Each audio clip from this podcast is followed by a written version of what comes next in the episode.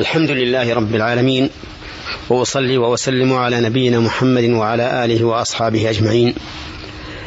أما بعد أيها الإخوة المستمعون فإننا نلتقي بكم في هذه الحلقة الثالثة عشرة من حلقات أحكام من القرآن الكريم. قد سبق أن انتهينا إلى قوله تعالى في وصف كتاب الله. ذلك الكتاب لا ريب فيه هدى للمتقين. وبينا أنه كلما كان الإنسان أتقى لله كان أهدى بكتاب الله عز وجل. وبينا أن غير المتقي لا يهتدي به لا يهتدي بكتاب الله سبحانه وتعالى. وكلما نقص الإنسان من من التقوى نقص من اهتدائه بكتاب الله بقدر ما نقص من تقواه. ثم نستمر في في الكلام على آيات الله عز وجل على آيات كتاب الله عز وجل. معتمدين في ذلك على ما أسلفناه من أن المقصود بهذه الحلقات بيان ما يمكن أن نعلمه من الأحكام والفوائد من كتاب الله عز وجل.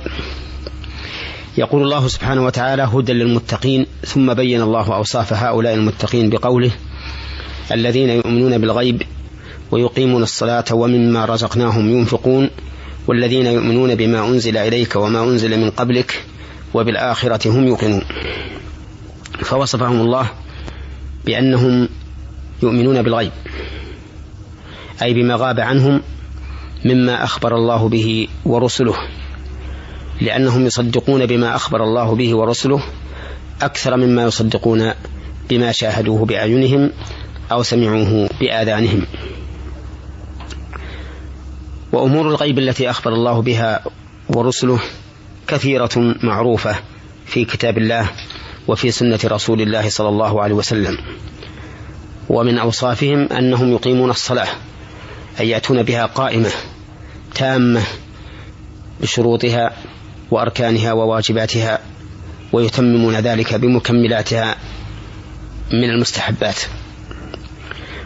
ومن أوصافهم أيضا أنهم ينفقون مما رزقهم الله عز وجل على حسب ما تقتضيه الشريعة إنفاقا دائرا بين الإفراط والتفريط كما قال الله تعالى والذين إذا أنفقوا لم يسرفوا ولم يقتروا وكان بين ذلك قواما.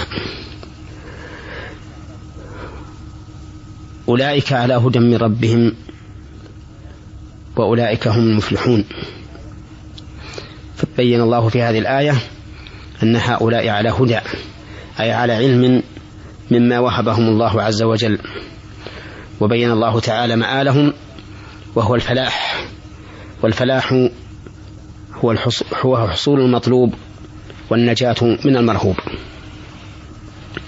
يستفاد من هذه الآية الكريمة أولا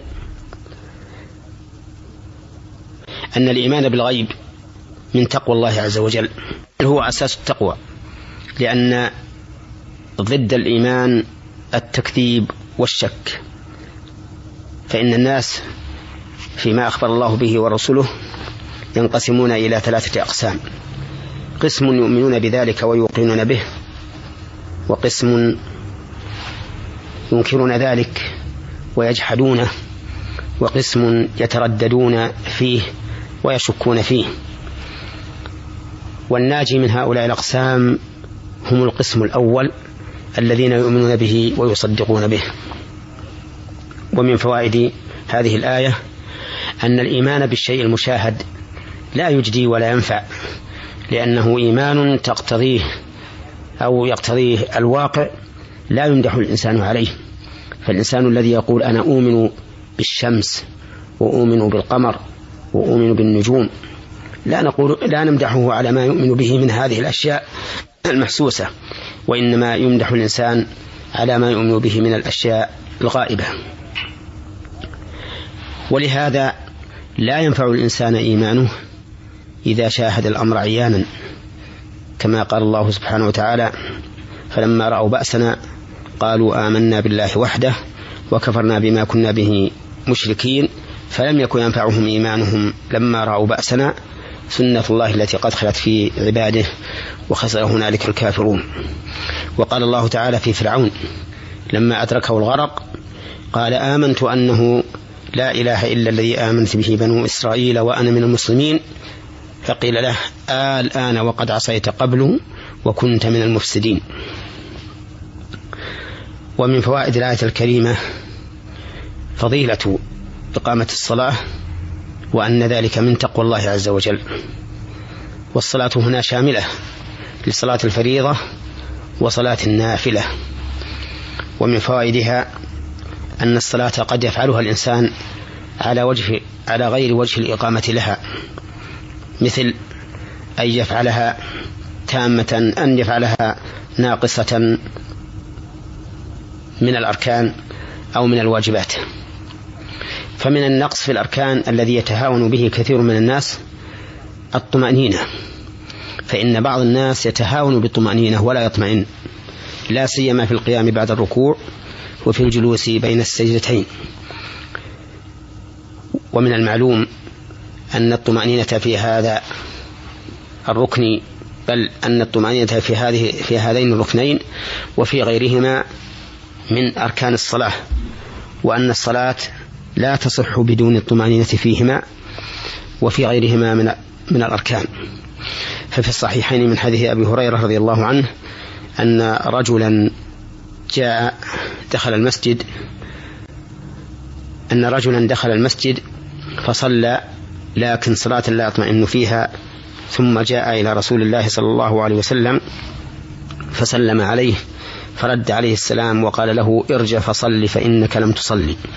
فرجع الرجل فصلى كما صلى أول مرة ثم عاد فسلم على النبي صلى الله عليه وسلم فقال ارجع فصلي فإنك لم تصلي. فرجع فصلى كما صلى أولا ثم عاد فسلم على النبي صلى الله عليه وسلم فقال له ارجع فصلي فإنك لم تصلي. فقال الرجل والذي بعثك بالحق لا أحسن غير هذا فعلمني. فقال النبي صلى الله عليه وسلم إذا قمت إلى الصلاة فأسبغ الوضوء ثم استقبل القبلة فكبر ثم اقرأ ما تيسر معك من القرآن ثم اركع حتى تطمئن راكعا ثم ارفع حتى تطمئن قائما ثم اسجد حتى تطمئن ساجدا ثم ارفع حتى تطمئن جالسا ثم اسجد حتى تطمئن ساجدا ثم افعل ذلك في صلاتك كلها. وإنما أمره النبي صلى الله عليه وسلم أن يعيد الصلاة مرة بعد أخرى من أجل أن يشتد توقانه إلى معرفة الصلاة وأحكامها حتى يتلقى ذلك بنفس مشرعبة متطلعة إلى معرفة الحكم فيكون ذلك أرسخ لقلبه. وإنما قال له النبي صلى الله عليه وسلم إذا قمت إلى الصلاة فأسبغ الوضوء. مع أنه لم يشاهده صلى الله عليه وسلم يتوضأ لأن من جهل هذه الأركان في صلاته فقد يكون جاهلا للوضوء فعلمه النبي عليه الصلاة والسلام فأرشده النبي صلى الله عليه وسلم إلى ما ينبغي أن يقوم به من إسباغ الوضوء. المهم أن رسول الله صلى الله عليه وسلم أمره أن يطمئن في هذه الأركان وهو دليل على أن الصلاة لا تصح بدون الطمأنينة فيها. وكثير من الناس يضيع الطمأنينة في هذه الأركان فيكون غير مقيم للصلاة.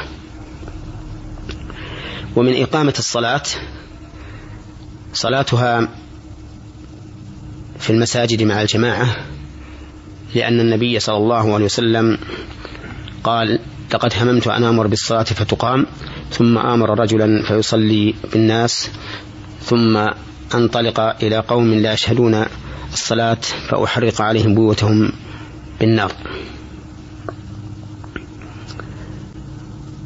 وقال لرجل يستأذنه أن يصلي في بيته أتسمع النداء؟ قال نعم. قال فأجب. فمن لم يأتي بصلاة الجماعة مع قدرته عليها وعدم عذره الشرعي في تركها فإنه غير مقيم للصلاة فلا يكون داخلا في هذه الأوصاف الحميدة الجليلة. وإلى حلقة أخرى إن شاء الله تعالى. والسلام عليكم ورحمة الله وبركاته.